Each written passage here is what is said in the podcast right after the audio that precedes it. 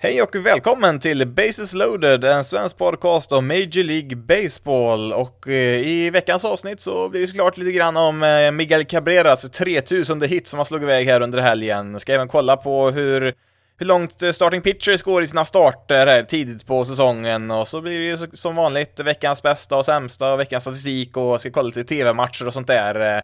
Men först tänkte jag att vi skulle kolla lite grann på vad som händer med offensiven här i ligan. Eh, det är någonting som det snackas om här tidigt på säsongen och eh, någonting man konstaterat det är att bollen flyger inte riktigt lika mycket som den har gjort tidigare. Det har varit ett väldigt stort eh, föremål för diskussion just bollen under flera år nu. Det är väl egentligen 2019 som diskussionen drog igång på allvar där. Det var ju rekordåret när det gäller antal homeruns med ganska stor marginal.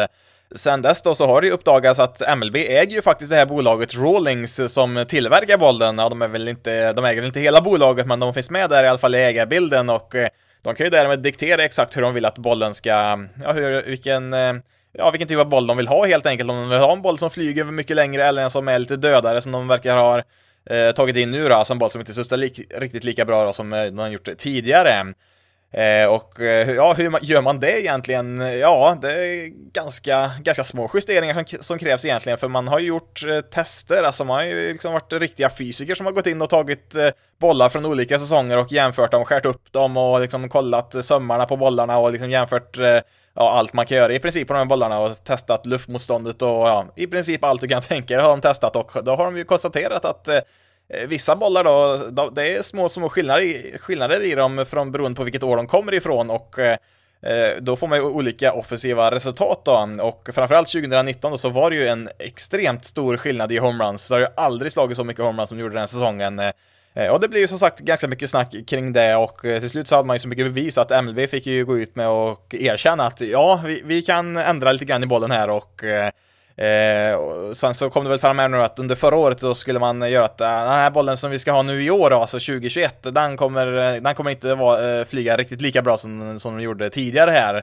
Eh, och det såg vi att det delvis stämde för att rätt vad det var under, under säsongen där så visade sig att de hade inte möjlighet att producera tillräckligt med de här nya bollarna som de hade tänkt att använda förra året så de fick ju plocka in den gamla varianten då, så att eh, Eh, det var väl typ hälften av bollarna var den nya varianten och hälften av var den tidigare som flög och studsade mycket längre då, så att eh, det var ju lite ett lotteri vilken typ av boll man hade i varje match, vilket inte är helt optimalt om vi ska vara helt ärliga, men eh, ja, hur som helst, inför den här säsongen då så har man ju då fått fram sin boll som man nu vill ha då från MLBs sida och Ja, de tidigare resultaten pekar väl på att eh, bollen, den studsar som sagt inte riktigt lika bra, flyger inte lika långt. Eh, det är tidigt än så länge och eh, sen ska vi komma ihåg att i kallt väder så flyger bollar inte riktigt lika långt. Den, den distansen blir längre sen när det blir varmare. Det är, ja, nu är inte jag någon meteorolog eller någon fysiker på något sätt, men det är i, i, i korta drag, kallt väder, bollen flyger kortare, varmt väder, bollen flyger längre. Det är, det är allt du behöver veta i det här avsnittet i alla fall.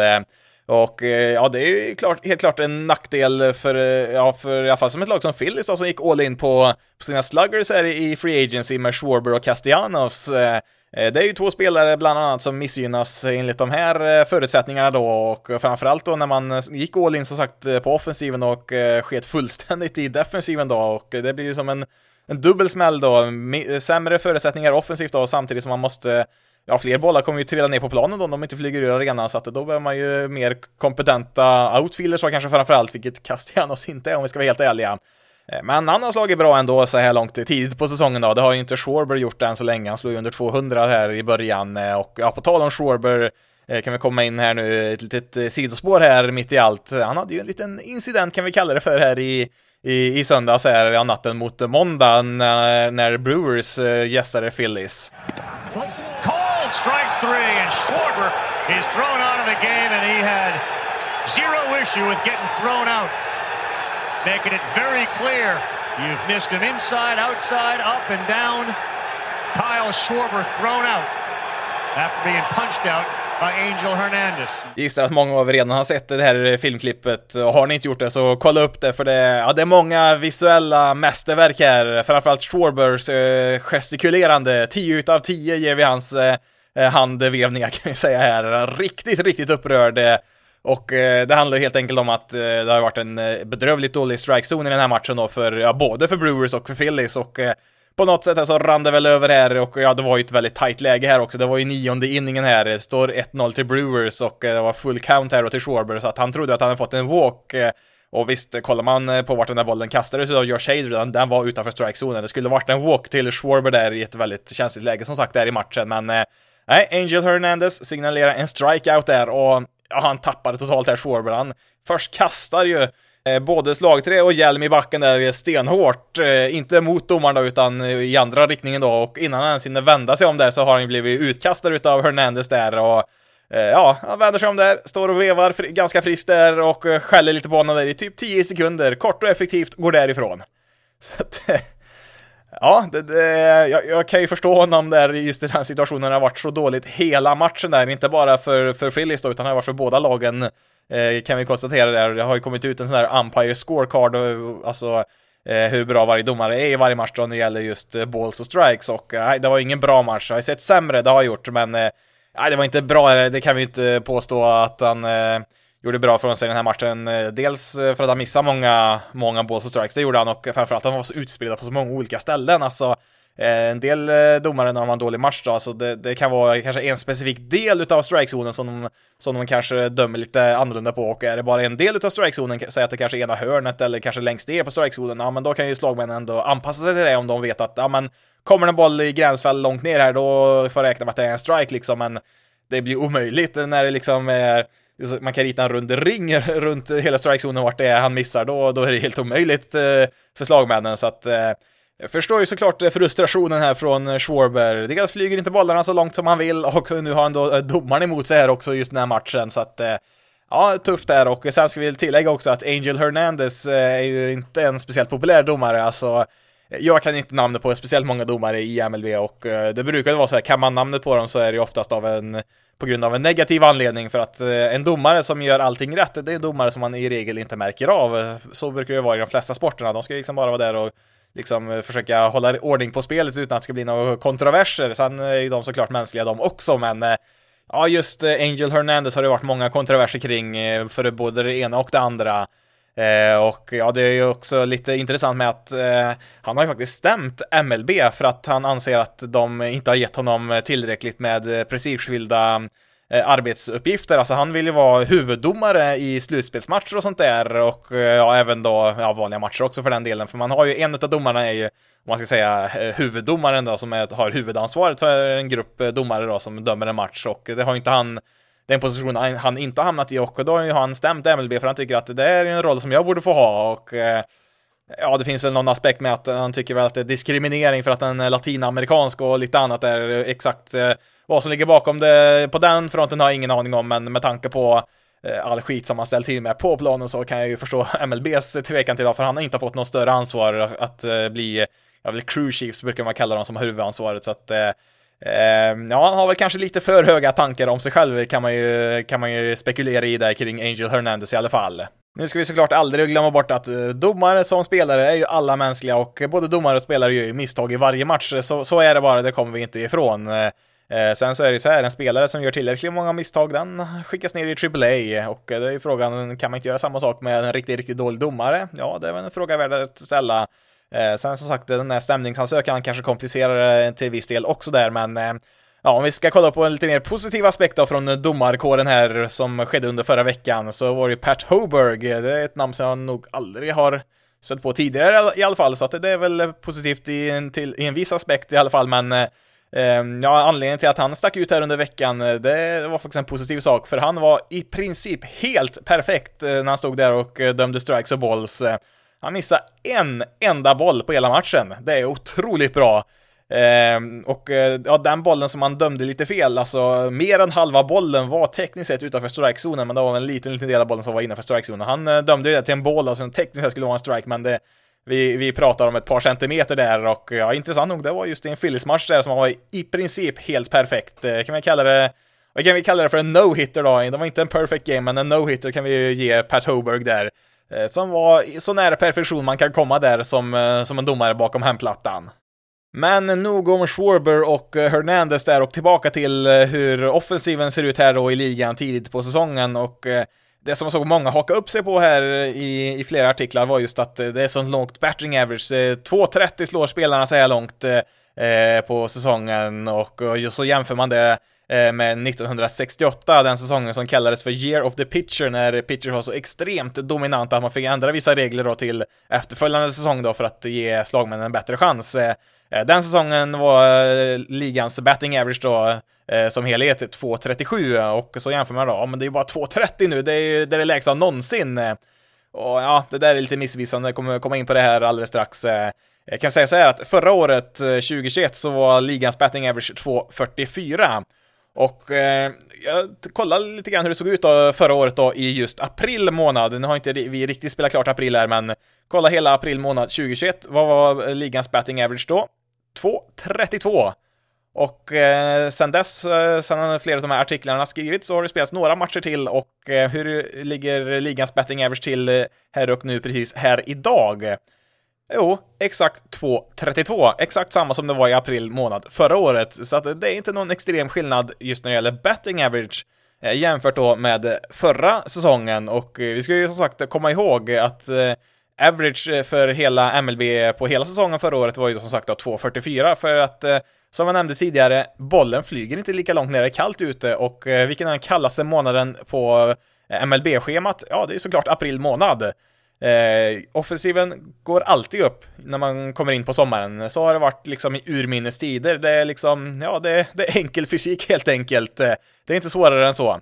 Eh, men eh, med det sagt, det finns vissa aspekter som man faktiskt kan se en ganska tydlig skillnad, även om vi bara kollar på just den här månaden då, om vi kollar även bakåt i tiden. och ja, vi kan ju bland annat se, vi har ju haft tio stycken no-hitters som har gått in i sjätte inningen, alltså vi har inte haft tio no-hitters Eh, som fullbordats, utan eh, det är ju tio stycken tillfällen som en no-hitter har gått in i sjätte inningen och sen någonstans därefter eh, brutits upp på något sätt. Men det är ganska ovanligt att det är så många så här tidigt, absolut. Men den statistiken jag fastnar på för allra mest, det är ju för hur mycket styrka spelarna slår för, för där kan vi se en rejäl skillnad även om vi jämför bara med april 2021. Hur kan man då kolla för hur mycket styrka spelare slår för då? Mm, ja, det går ju på lite olika sätt. Eh, sen är inget av dem eh, perfekt på något sätt, men tillräckligt bra för att kunna ge en indikation i alla fall. Eh, det som de flesta kanske känner till, det är väl slugging percentage, är med i en triple slash line. Alltså i en slash line, då har man först ett average, sen så har man ju on base percentage i mitten och sen sist då en slugging percentage. Och som det mesta annat när man är mm, en slagman, så ju högre siffra, desto bättre. Eh, jag tror att snittet i MLB när det gäller slugging percentage har väl varit strax över 400 de senaste åren här. Eh, de bästa spelarna ligger på över 500 när det gäller att slå för styrka, och några ligger väl, kan väl komma på 600 också. Vladimir Guerrero Jr var väl precis över 600 förra året och ja, sen så finns det ju några som klivit över lite högre än så. Jag tror väl en superdopad eh, Barry Bonds var uppe på både 7 och 800. Jag tror även Sammy Sosa var väl uppe på en 700 i slugging också något år. Eh, men det, det, är väl lite en asterisk eh, får vi sätta på de noteringarna får vi säga, men eh, i alla fall då, runt, ja strax över 400 är väl snittet då och i april förra året då så var, la vi på 390, vilket var en ganska väntad siffra. Hur ligger vi till då i år? Ja, då är vi på 368 och nu börjar det bli ganska lågt här faktiskt. Sen så finns det en, om man går in på lite mer Sabermetrics så finns det även en kategori som heter ISO. Eh, det är en förkortning för Isolated Power och skrivs ut ISO. Och mm, ja, vill man se den exakta eh, eh, formeln för hur man räknar ut eh, det här så kan man kolla på Fangraphs, då bara googla typ Fangraphs och eh, ISO. Och ehm, ja, det är ju ett sätt att försöka räkna ut om man försöker värdera, alltså man lägger ihop eh, på ett visst sätt doubles, triples och homeruns och ehm, ja, triples är ju såklart värt mer än doubles och eh, homeruns är ju värt mer än triples eh, för att det är ju i regel så att ehm, för att slå en double så behöver du oftast slå iväg den betydligt hårdare än vad du får iväg en single. sen kan det såklart finnas vissa undantag och så och ja, ska man ju få iväg en triple så visst, där är det en viss hastighets Eh, Eh, komponent som spelar in också. Du behöver ju ofta ta lite fart i benen om du ska ta det hela vägen till tredje bas på en enda sving. Eh, eh, kan vi bara se bland annat på all statistik som vi såg på Miguel Cabrera här nu som kom ut. Det var inte jättemånga triples han slog i sin karriär även om han slog för väldigt mycket styrka. Det, det är som sagt, det är, inte, det är ingen perfekt statistik där på något sätt när det gäller, när det gäller ISO, men jag tycker väl att den ger väl en bättre bild än vad slugging percentage gör, även om slugging också ger en hyfsad bild den också, så att det är inte så att den ena är fel och den andra är rätt på något sätt. Det, ja, det är väl inte så att någon av dem är helt rätt heller, men jag tycker väl ISO ger väl en lite bättre eh, helhetsbild eh, när jag kollar på statistiken och eh, då kanske första frågan är, vad är en genomsnittlig ISO då för MLB? Och kollar vi de senaste åren så har väl snittet legat kring ja, 160-170 där någonstans. Det är, en, ja, det är en siffra man kan utgå ifrån där och eh, kollar vi på de siffrorna för april månad förra säsongen då, 2021, så var den på 157, alltså något lägre. Eh, men så här långt i år då, 2022, i april, 137. Det är alltså en minskning på 12% jämfört med samma månad bara förra året. Det är Alltså det är tidigt på säsongen, men sån stor skillnad, det är, det är inte bara slumpen, utan här har vi någonting faktiskt. Och eh, det är väl nog mycket med bollen att göra också. Eh, bara för, bara för skojs skull kan vi jämföra då med siffrorna från rekordåret där 2019, ni spelade med den här studsbollen som flög ut var och varannan minut. Eh, då hade man en ISO i april månad på 177. Det är en jättestor skillnad. Eh, kollar man på slugging i april månad 2019 var han på 4.23 och jämför då som sagt med 3.68 i år. Det är jättestor skillnad. Vad innebär allt det här då egentligen? Eh, ja, det är lite tidigt att säga än så länge, men någonting man kan ha utkik efter det är ju Ja, alltså, ja, våra traditionella sluggers, alltså Vladimir Guerrero Jr och så vidare, de som är råstarka kommer ju att slå iväg massa homeruns fortfarande. Det kommer inte vara en större skillnad. De brukar slå ut eh, ganska många bollar med bred marginal. Det gör inte så mycket om de tappar någon meter eller två eh, på sina flyballs, men det är lite värre för de här som eh, kanske de senaste åren slått 15, 20, 25 homeruns, liksom en helt respektabel siffra egentligen som eh, de spelarna som eh, kanske behöver varenda meter de kan få där eh, i luften med bollen där, så ja, för dem kan det bli lite tuffare där, så att de som ligger kanske lite längre ner i homerun-listorna, de kommer nog få det tuffare att slå ut bollarna här nu, kan vi ju ha lite koll på under säsongen här om man kollar på vissa spelare som kanske slog ganska bra 2019 och även 2020 och 2021 där, så kan vi nog se en eh, ganska, ja, kanske ingen katastrofal störtdykning, kanske vi inte kommer se på dem då i statistiken, men det kommer nog att se, se lite skillnad, det kommer vi absolut att göra. Sen så har vi ju ett par sluggare som har haft det ganska tufft här inledningsvis. Eh, sen behöver inte det bara vara bollens fel då. Spelare har ju formsvackor som är mer eller mindre korta olika säsonger, men kollar vi på en spelare som Twins, Miguel Sano, han har ju en ISO i sin karriär på 2.49, alltså en väldigt hög. Han eh, har en motsvarande siffra just nu på 63. Jag kollar ju på Joey Gallo i Yankees outfield, har ju fått mycket kritik här nu tidigt på säsongen. Hans ISO i karriären är 2,76, han är ju en extrem slugger egentligen. Vad ligger hans ISO på idag? 21! Inte en enda homerun och då spelar han ju på en hemmaarena som är känd för att ha väldigt, väldigt kort ut i right field som borde gynna honom väldigt mycket. Eh, så att, eh, ja, vi får väl se vad som händer där. Det är som sagt även eh, stora slugger som har haft lite problem här tidigt, men som sagt, jag vet inte riktigt om vi kan Eh, spårade till just bollen när det gäller dem, men eh, ja, det, det är siffror här värt att eh, ha lite koll på. Då kanske man undrar då, när vi ändå pratar mycket om det här då, vem är det som leder MLB i just ISO när det gäller att stå för styrka då så här långt i år? Och då tänker man, ja men Guerrero borde ju ligga bra till, han har ju inlett bra här och han slår ju som bara den. Kanske, ja men CJ Crone har ju slått massa homeruns där uppe i, i Coors Field, han borde ju ligga högt upp och ja, det gör de ju, men kollar vi högst upp på listan, då har vi Jazz Chisholm. Va? Eh, när man tänker slugger som, står, som slår för styrka, då tänker man inte snabb, duktig middle infielder eh, defensivt så, som ska toppa den här listan, men det gör han faktiskt där och så spelar han ju i Marlins som har en minst sagt eh, pitchervänlig arena. Den, ja, den är väl inte riktigt lika extrem som den var en gång i tiden, men eh, eh ja, eh, det, det är väl kanske, det om något är väl ett tecken på att all statistik ska vi inte ska vi inte tro på fullt ut än så länge. Jag tror säkert att Chisholm kommer att ha en bra säsong. Det tror jag säkert han kan ha. Kommer han att slå för mer styrka än Guerrero när vi summerar den här säsongen? Ja, ytterst tveksam till det får jag säga. Jag tror inte att en spelare som ligger i toppen i sprint speed kommer att ligga högt upp på, på listan över att slå för mest styrka. Det, ja, det funkar helt enkelt inte riktigt så i MLB när man spelar en hel säsong på 162 matcher, men eh, ja, samtidigt, jag, jag kollar på Chisholms siffror överlag då, jag blir lite överraskad när jag såg honom i toppen där, så var tvungen att kolla vidare, så är det här bara liksom ren tur eller är det liksom någonting som jag har sett tidigare i karriären? Och Fick ju kolla lite grann på hans minor League-statistik, för han har inte spelat så jättemycket i MLB än så länge och Ja, han har faktiskt slått ganska hårt faktiskt, det har han gjort. Har en hyfsad slugging och ISO även i hans eh, tid i minor League-systemet då. Eh, så att helt överraskande är väl inte att han ligger ganska bra till här. Sen ska vi tillägga att eh, han slår inte till bollen hårdast av alla. Eh, när vi, kan, vi, vi, kan ju faktiskt mäta exit velocity och då, då toppar ju liksom eh, ja, då har vi de här fyrtornen som är eh, liksom eh, Judge, Stanton och, och även Guerrero då, de slår ju till bollen mycket hårdare än vad Chisholm gör, men det som Chisholm har gjort väldigt bra, att han har fått, ofta fått hård kontakt, kanske inte så extremt hård som eh, de här riktigt stora spelarna gör. Eh, men eh, det viktigaste är i regel att få en hård träff på bollen. Det behöver inte vara de här extrema hastigheterna som sagt, men en hård träff på bollen, då har man kommit långt emot att få iväg en hit. Sen ska vi säga så här, rent tekniskt sett, om vi ska gå in på lite små teknikaliteter där, så är Chisholm inte eh, riktigt etta på listan Eh, eh när det gäller eh, ISO då, han har en siffra på 4.32 och ja, det är helt klart en siffra som är så här tidigt på säsongen siffra som inte kommer att hålla en hel säsong, det, det gör det bara inte.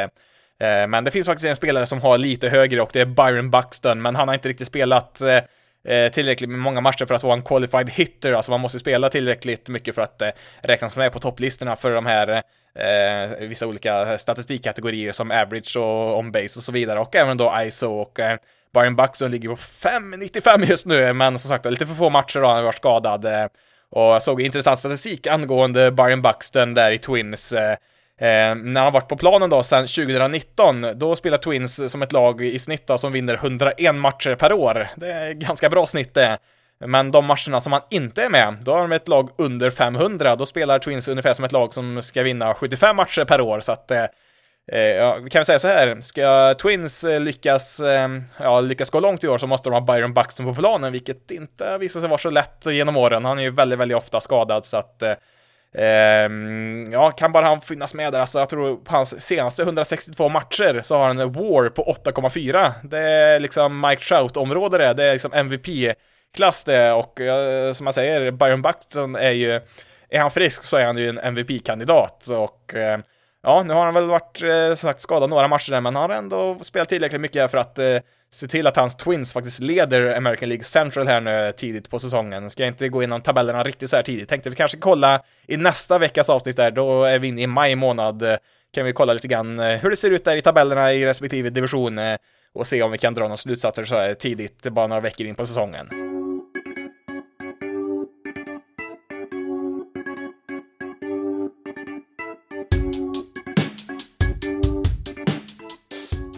They're not going to like this. You know what's going to happen, don't you? Yeah. They're going to walk Miggy? Yep. They got to, we got. With Meadows on deck, yep. left-handed? Yep. Left-handed hitter? Sure. But we could see uh,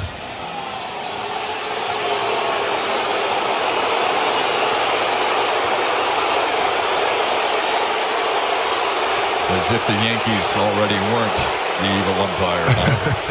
Försök nu att tänka dig att eh, du föddes en gång i tiden i Michigan och eh, du växer upp som, ja såklart som en Tiger-supporter och eh, hade några väldigt intressanta år där i början på förra årtiondet där. Räckte inte hela vägen fram där, men eh, det var många intressanta år där med många slutspelsresor och eh, Eh, framförallt en stor payroll med många duktiga spelare och eh, bäst av alla såklart Miguel Cabrera i sina bästa dagar, vinner en triple crown.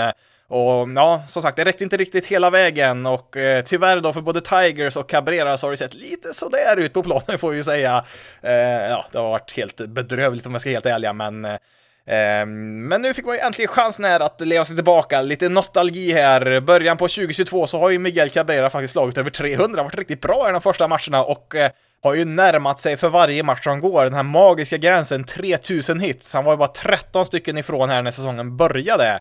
Och eh, då kanske man, eh, om man bor där i närheten utav Detroit, så kanske man bör kolla på spelschemat att, ja, när kanske han kan komma upp i de här 3000 då. Ja, börjar räkna den här Yankee-serien. Kanske är lite tidigt, kanske blir med mot Rockies där, eh, eh, serien efter där, men oj, kolla där, rätt vad det är så går ju Cabrera 3 för 4 här mot Yankees, han är bara en hit ifrån, 2999 hits. Ja, nu kan vi inte vänta längre, nu, nu måste man bara beställa biljetter där, för nu kommer han ju att slå det vilken dag som helst. Eh, så att, ja, man kanske beställer en biljett där och är på sista matchen då här mellan Yankees och Tigers. Alltså det här är ju det största som har hänt i Tigers på många, många år efter så här Eh, brutalt dåliga resultat under många år så kan man äntligen få se något historiskt här. Se Miguel Cabrera få sin 3000 hit här. Och eh, vad händer då egentligen? Ehm, ja, först så går det inte jättebra för Cabrera och han går väl 0 för 2 eller 0 för 3, jag vet inte riktigt hur det låg till där sent i matchen, men eh, Ja, han kommer upp här nu i ett riktigt intressant läge, jag tror det är åttonde inningen här, och Tigers har ju en spelare på både andra och tredje bas här. Han kan komma upp här och få sin 3000 hit och kanske bli matchhjälte här. Eh, Tigers leder här med 1-0 i det här läget och eh, vad är det som händer? Jo, han får en intentional walk. Jag själv som Tiger-supporter satt mest här i tv-soffan och skrattade. Det är väl kanske jobbigare för den där eh, fiktiva personen då som är från Michigan där någonstans och liksom växt upp med Tigers där och är på plats och är där för att se Cabrera slå. Eh, kan jag säga så här, det var eh, lite burop. Eh, det, nog, det har nog inte varit så mycket känslor på Comerica Park på många, många år. Riktigt ordentliga med burop var det. Man gav alltså då eh, Cabrera eh, en intentional walk, gav han första bas där eh, för att de ville få in eh, Eh, Austin Meadows ville de kasta mot istället där för att han är vänsterhänt och de hade en vänsterhänt pitcher inne så att de trodde väl att de hade en fördel här då i det här läget eh, mot Meadows och han har ju ganska stora splits då beroende på om en höger eller vänsterhänt pitcher. Eh, det var väl i alla fall Aaron Boons resonemang i den här situationen då, alltså Yankees-managern. Eh, sen Tigers-fansen Ja, vi kan väl notera att de inte eh, köpte det här resonemanget kan vi säga, men hur gick det då, då i just det här tillfället? Man valde att ge Cabrera första bas och kasta till Meadows istället. Off the end of the bat, shallow center, coming hard, it's gonna drop! Two runs score, Austin Meadows makes the Yankees pay. Jo då, Meadows lyckas ju lobba in den där bollen perfekt mellan Yankees outfield och infield, eh, droppa in där så att eh, Tigers kunde springa in två runs till, eh, så att han straffar dem ju direkt där. Och ja, stort jubel såklart var ju viktigt för matchen, men det vi inte hörde där ungefär 10 sekunder senare så var det tillbaka till enorma burop igen. De var riktigt förbannade här, även fast de har tagit ledningen och ja, de stod och skrek “Yankees suck” riktigt rejält. Det, det kan vara svårt ibland att höra exakt vad publiken säger när de skriker, men eh, här var det inte så mycket tvekan om vad som faktiskt eh, sades där inne i, i, i, mikrofonerna där runt omkring arenan. Eh, eh, rent taktiskt då, var det rätt utav Aaron Boone? Ja, det är ju lätt att säga att det var fel så här i efterhand när det blev som det blev, men eh, jag har sett, eh, ja, det beror väl lite grann på, eh, det finns väl lite olika synvinklar på det här. Det, det är väl en del som tycker att det kanske var lite 50-50 att göra så här. Eh, alltså, Cabrera har ju faktiskt varit ganska het eh, så här långt i år. Han är ju inte den hitten han var en gång i tiden, men eh, som sagt, eh, de första veckorna på den här säsongen har han faktiskt slagit ganska bra. sen så, alltså visst, när man börjar kolla på vänster och högerhänta pitchers och slagmän så visst, det finns ju eh, vissa resonemang där också som man kan dra, dra lite olika slutsatser kring, men eh, samtidigt, Austin Meadows är väl, han är väl Tigers bästa hitter här, i alla fall med Harvey Baez skadad var han ju just i den här matchen, så att eh, Eh, det är frågan om man verkligen vill få in honom där och slå och ja, nu gick det som det gick såklart, men eh, ja, rolig situation eh, i alla fall när man satt i tv-soffan och tittade. Hade man varit där på plats så jag är helt övertygad om att jag också har stått här och skrikit diverse saker till Aaron Boone. Det tvekar jag inte en sekund för, men ja, det skulle ju, det skulle ju bli bra till slut här och jag, ska, jag, kan säga så här, den som var gladast över den här situationen eh, som blev här när Cabrera fick en intentional walk, det var nog ett antal Rockies-spelare som eh, inte ville något annat än att vara på plats när det här historiska ögonblicket skulle hända. Right side, there it is! History fountain, the third Tiger to ever do it! En singel ut i right field var det till slut då som gjorde att Cabrera fick sin hit nummer 3000 och eh, Intressant här är ju att Cabrera som är född i Venezuela, liksom en av eh, nationalhjältarna när det gäller sportstjärnor där i, i landet, en av de största någonsin. Eh, pitchen här, Sensatella för Rockies, han är ju också född i Venezuela och eh, med största sannolikhet liksom växt upp och titta på Cabrera när han spelade liksom och varit idolen liksom som dominerat i MLB i så många år och det var väl säkert kul att få vara där på plats och se det hända men Eh, det kommer väl knappast att hjälpa honom i framtida kontraktsförhandlingar eh, att han gav upp en hit där och ja, det var väl ganska många hits han gav upp här. De vinner väl med en 13-0 den här matchen till slut, Tora Tigers. Eh, så att ingen, ingen rolig dag på jobbet rent professionellt där för Sensatella. Samtidigt så tror jag nog han är ganska stolt över att få vara på plats där och som sagt se liksom en nationalidol nå den här milstolpen och jag tror de har fler spelare från Venezuela, vilket var anledningen till att de hemskt gärna såg att han inte skulle få sin 3000 då i matchen innan här mot Yankees. Eh, så att eh, eh, de fick väl helt enkelt se det positiva i det negativa här kan man ju säga. Sen så var det ju ganska häftigt här direkt efter så kom ju Spencer Torkelson upp, liksom arvtagaren till Miguel Cabrera där på första bas och som ska vara deras nya stora superstjärna offensivt. Han kommer in här och slår iväg en homerun och driver in Cabrera här då efter att han slagit sin 3000 hit här så att Ja, det var en riktig liksom eh, överlämning här från den gamla generationen till den nya då som ska förhoppningsvis då ta Tigers till nya höjder så att det Ja, en väldigt fin stund här på Comerica Park som de inte haft speciellt många sådana här nu på sistone om vi ska vara helt ärliga så Ja, ja, riktigt, ja men det var häftigt och kul att se även José Iglesias. Han har ju också spelat Tigers tidigare, han är ju numera shortstop för Rockies då. Han var den första fram av alla eh, där inne och springa fram och krama Miguel där Eh, efter, efter han nått första bas där. De har ju tydligen ganska nära band eh, även nu när de inte spelar i samma lag, så att eh, Nej, men en riktigt fin stund här på alla sätt och vis, får jag ändå säga, och ja, inte bara för Tigers-fans, utan det här kan man ju uppskatta vilket lag man än håller på. Nu som sagt, jag är ju Tigers-fans, men eh, ja, Tigers-fans har ju om några förtjänat att få no något fint hända på planen här, för det har ju som sagt varit så extremt dåligt. Eh, jag har ju kommit undan lite grann med att eh, göra den här podcasten så att jag inte behövde kolla på elände så himla mycket när man måste kolla på alla andra lag istället. Eh, jag har som sagt inte kollat jättemycket matcher de senaste åren, men ett lag som blir mer och mer intressant för varje år som går nu och framförallt var det extra positivt att just det här kunde ske tidigt också. Det här var ju en match som startade klockan sju på kvällen svensk tid, så att extra kul att det kunde ske då på bra sändningstid här i Sverige också, men ja, det är väl högst sekundärt. Eh, vi får säga grattis helt enkelt då till Miguel Cabrera då som är Eh, bara den, eh, jag tror det är 33 spelare som har nått 3000 hits någonsin i MLB, så att det är en ganska liten grupp spelare vi hittar där. Eh, ska man lägga till också 3000 hits och 500 homeruns, ja då har vi bara sju spelare då, och förutom Cabrera då så är det Alex Rodriguez, Rafael Palmeiro, sen har vi Henry Aaron, Willie Mays, Albert Pujols och Eddie Murray. Och um, ska vi kolla en extremt exklusiv klubb. Eh, 3000 hits, 500 homeruns och 300 i average, alltså eh, det är en sak att slå massa homeruns men ha ett jättehögt average samtidigt, det är extremt svårt. Och eh, Förutom Cabrera då så är det eh, Henry Aaron och Willie Mays som har det, bara tre stycken någonsin som har gjort det. Cabrera har då förutom då 3000 hits, 500 homeruns också en triple crown. Och eh, hur många har gjort det någonsin i MLB? Ja, man har ju spelat sedan 1870-talet går ju National League tillbaka, alltså en 150 år och under de 150 åren så är det en spelare som har gjort det någonsin. Right side, there it is!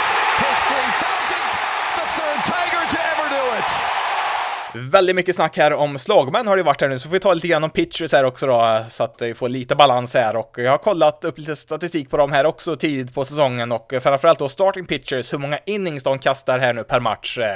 Och eh, så här långt då 2022 så har de kastat 4,6 innings i snitt, alltså de tar sig inte ur eh, den femte inningen en gång och det, det, är inte speciellt mycket. Vi har ju sett de senaste åren att starters går kortare och kortare, men nu är alltså mindre än fem innings då tidigt på säsongen. Eh, eh kan jämföra med förra året då, 2021, då gick man i snitt fem innings eh, ganska precis. Eh, sen om vi går lite mer bakåt här då eh, genom åren, eh, kollar vi på den här korta pandemisäsongen 2020 så var det bara 4,7 innings, men det kan man ju förklara ganska lätt med det.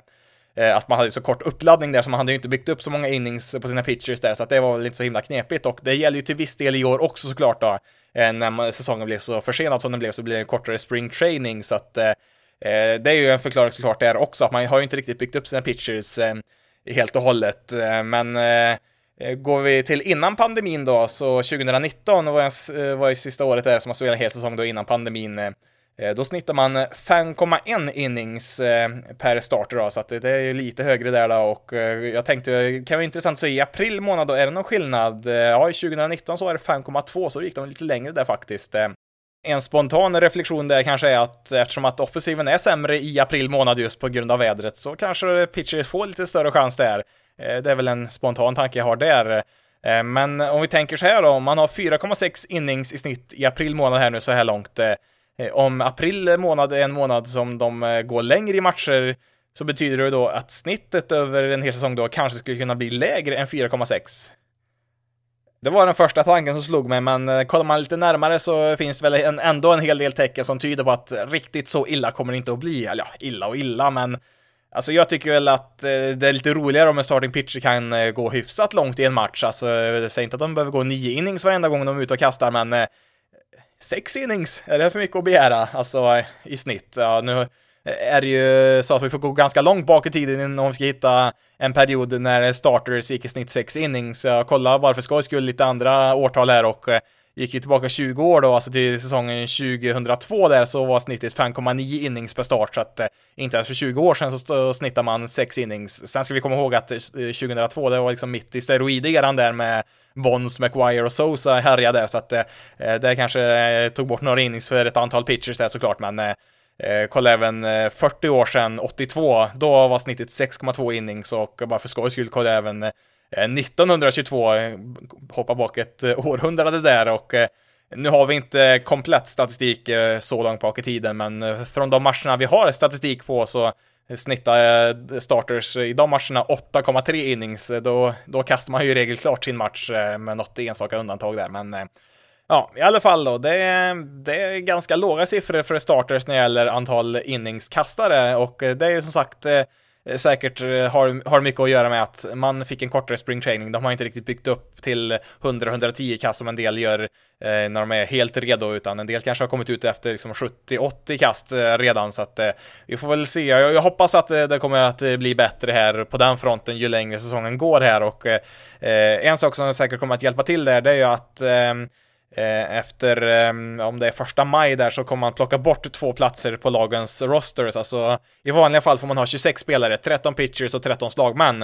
Eh, men man gjorde så här att första månaden av säsongen här så fick man eh, använda 28 spelare och i stort sett alla lag plockade in två extra relievers. Så att man har ju haft så många extra alternativ från sin, sin bullpen då som har gjort att man, ja men vi kan nog plocka ut två starter, vi har ändå ett par extra armar att slänga in så Eh, jag gissar på att eh, eh, när jag jämför de här siffrorna sen i maj månad så kommer det vara ganska stor skillnad faktiskt och eh, kopplat till det vi pratade om först här så kan jag, kan jag väl gissa att en liten aspekt till slagmännens svårigheter det är ju att ja, de har ju haft så extremt många pitchers att använda lagen, 15-16 stycken, så att Eh, de har ju kunnat eh, mixa och matcha ganska bra här beroende på vilken spelare som kommer in, så att det är ju klart också varit en eh, nackdel för slagmännen då och ja, det är en nackdel då för dem som försvinner då när den här gränsen då sänks då till 26 spelare per, per lag då, så att som sagt, jag hoppas att det blir ändring på det ganska snart där. Dessvärre då så har vi ju också sett och säkert också kopplat till kort spring training, ganska många pitchingskador redan. Såg bland annat John Means åkte ju på en Tommy John operation här nu, Orioles Eh, klart bästa starting pitcher. För övrigt, Orioles starting rotation har varit grymt bra så här långt. Eh, det är nog ingen som förväntar sig det, ja, förutom John Means då, som är ganska duktig då, men eh, ja, han blir ju tyvärr då borta hela den här säsongen och eh, säkert stora delar av nästa år också tyvärr då för både honom och Orioles. Eh. Men återigen då, jag hoppas att vi får se starters gå, om de inte går sex innings, fem i alla fall tycker jag väl är smärtgränsen. Mindre än så tycker jag inte, jag tycker inte det är okej okay, om man ska vara helt ärlig. Eh, en starter ska gå en majoritet av matchen och helst gärna upp eh, 5-6. Det, det, det, tycker jag är det minsta vi kan begära från en starting pitcher.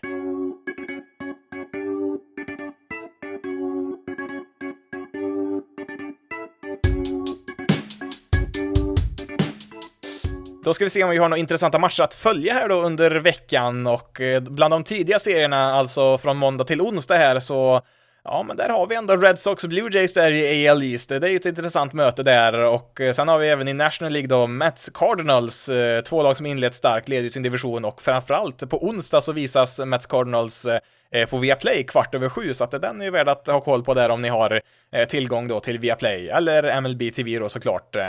Eh, sen på torsdag, jag vet inte riktigt om det är någon helgdag eller någonting där borta eh, på andra sidan Atlanten, för de har nio stycken tidiga matcher som startar mellan eh, halv sju och åtta. Det är inte vanligt på en vardag så här.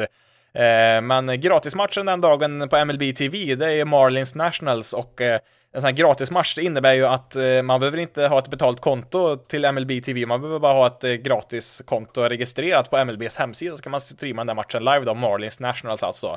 Kanske inte något toppmöte, men ja, gratis baseball är gratis. Eh, eh har man Viaplay då så kan man se eh, Twins Tiger spela där tidigt och även Angels mot Guardians där vid 10-tiden sen så att eh, torsdag är värt att ringa in där i kalendern, då finns det mycket att se på där.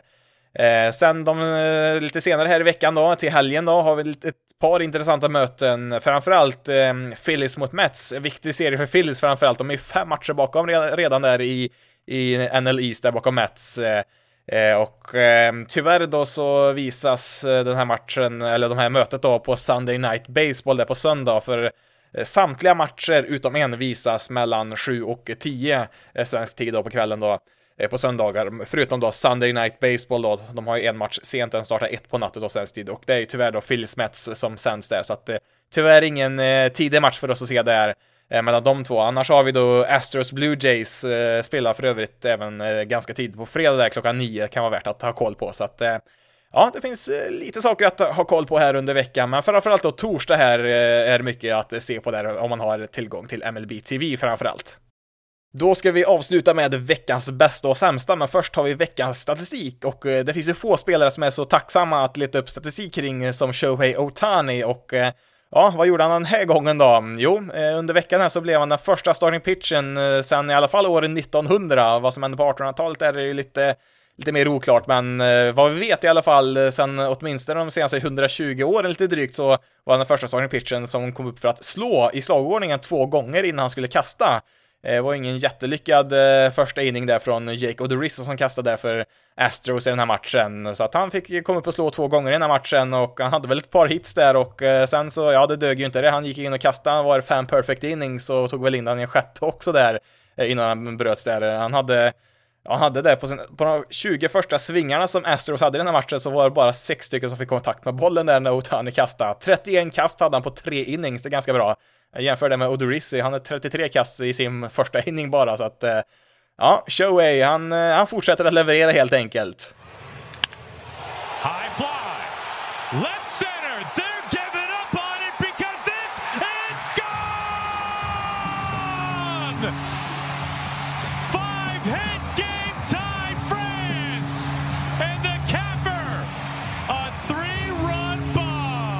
Veckans bästa ger vi till Ty France som, eh, ja, vi kan väl säga så här, Royals drömmer nog mardrömmar om honom just nu efter den här serien de precis spelar mot Mariners. Eh, eh, hade ju en match där, han hade fyra hits där, han kom upp för att slå en gång till här och ja, fyra hits är ju bra, men vad är bättre än fyra? Ja, det är såklart fem, så att det du hörde där var hans femte hit i matchen som var en eh, tre runs homerun där.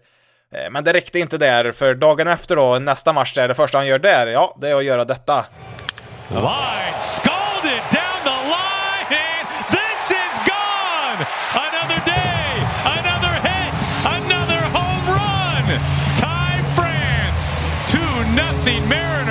Han lyckas ju visserligen inte slå fem hits i en match till, men eh, ja, tre stycken är ju ganska bra det också, så att eh, åtta hits på två matcher mot Mariners lyckas han klappa till Ty France, och ja, det räcker ju helt klart för att eh, komma med här i veckans bästa.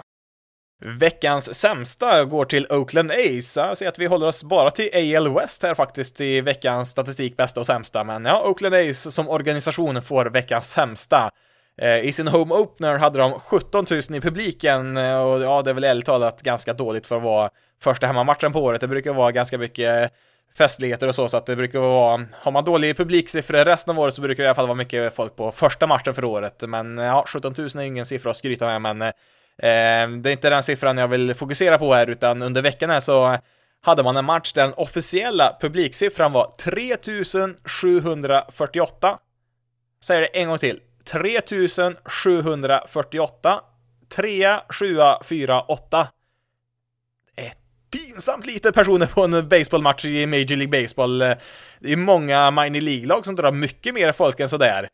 Jag vet inte, vad, vad är snittpubliken eh, på en SHL-match här i Sverige? Det, det kan nog tänka mig högre än 3748 i alla fall. Det är, nej, pinsamt är vad det är. Och då brukar ju ändå lagen putsa till siffrorna när det är så här riktigt lite folk på läktaren. Brukar räkna med att, ja men eh, alla säsongskort räknar man med där, även om de inte är på plats. I arenan så räknas de som sålda biljetter.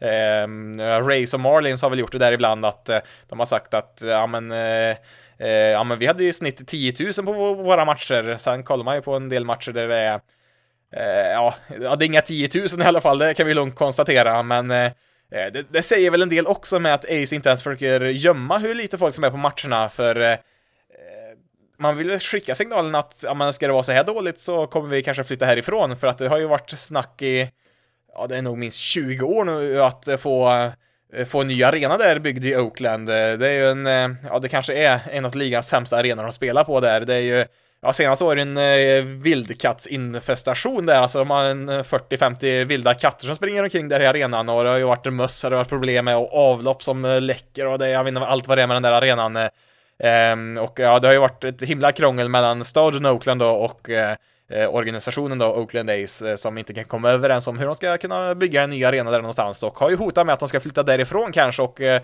jag tror väl att det, det, här är väl ett sätt att sätta press på, på staden och att eh, visa att, och kolla vad få människor som är och kollar på oss, här kan vi inte fortsätta eh, ha vår verksamhet, vi kanske måste flytta härifrån. för att eh, kunna få lite mer fart i processen och det tycker jag är lite, eh, ja, det är inte snyggt gjort. Alltså, det här är en av de mest lukrativa sportligorna i hela världen. Bygg din egen arena för guds skull, John Fisher som är ägare då i Oakland. Han är ju multimiljardär. Eh, och, alltså dollarmiljardär. Sen vet jag att han inte har kanske alla de där miljarderna i plånboken då, utan det är kanske eh, i olika fastigheter, olika företag han äger som mycket av de pengarna sitter i, men eh, Nej, jag tycker med tanke på hur mycket pengar de här lagen drar in så kan de ju bygga sin egen arena också och jag tror väl i och för sig att det förslaget som finns så ska väl eh, Ace bygga sin eh, egen arena för egna pengar då, eller de finansierar det själva i alla fall. Och sen så är det väl lite bråk om vad Oakland ska bidra med för pengar runt omkring i området så, för att det är ju det nya sättet för de här ägarna att tjäna jättemycket pengar på. Det ser vi bland annat eh, i Atlanta och ja, Cubs har väl det här delvis också, att de bygger upp jättemycket runt omkring arenan och äger det som är alla fastigheter som är runt omkring alla restauranger och hotell och allt vad det nu kan vara. Eh, och det genererar ju hur mycket pengar som helst. Eh, så att det är ju det de vill åt här, att få det så att de kan göra Eh, även Ace då till en pengamaskin, ja, som de inte redan vore det, men eh, ehm, ja, nej, jag tycker hela det här Ja, alltså visst, eh, de behöver en ny arena, det behöver de såklart, men eh, det, det ger lite bittersmak i, i munnen när man, på sättet de gör det och Alltså de har, ju, de har ju varit så snåla i så många år, alltså går man tillbaka eh, 30 år ungefär, då var Oakland Ace hade högst payroll i hela MLB, högre än Dodgers, högre än Yankees, eh, Ace hade högst payroll av alla lagen och eh, då var de ju bäst också. Eh, slutet av 80-talet, början av 90-talet, eh, då var de ett av de bästa lagen och vann ju någon titel där också. Eh, så att, eh, nej, jag tycker, eh, nej, veckans sämsta som sagt till Oakland här och jag såg det, det var ju någon intervju där med någon eh, eh, högt upp där i organisationen där, Dave Cavall, som sa att om de får en ny arena så lovar han, att då kommer vi vara topp 10 i payroll. Det är jag väldigt tveksam till. Eh, då skulle de behöva höja sin payroll med över 100 miljoner. Så mycket ger inte en arena, alltså de, de mesta pengarna kommer från tv.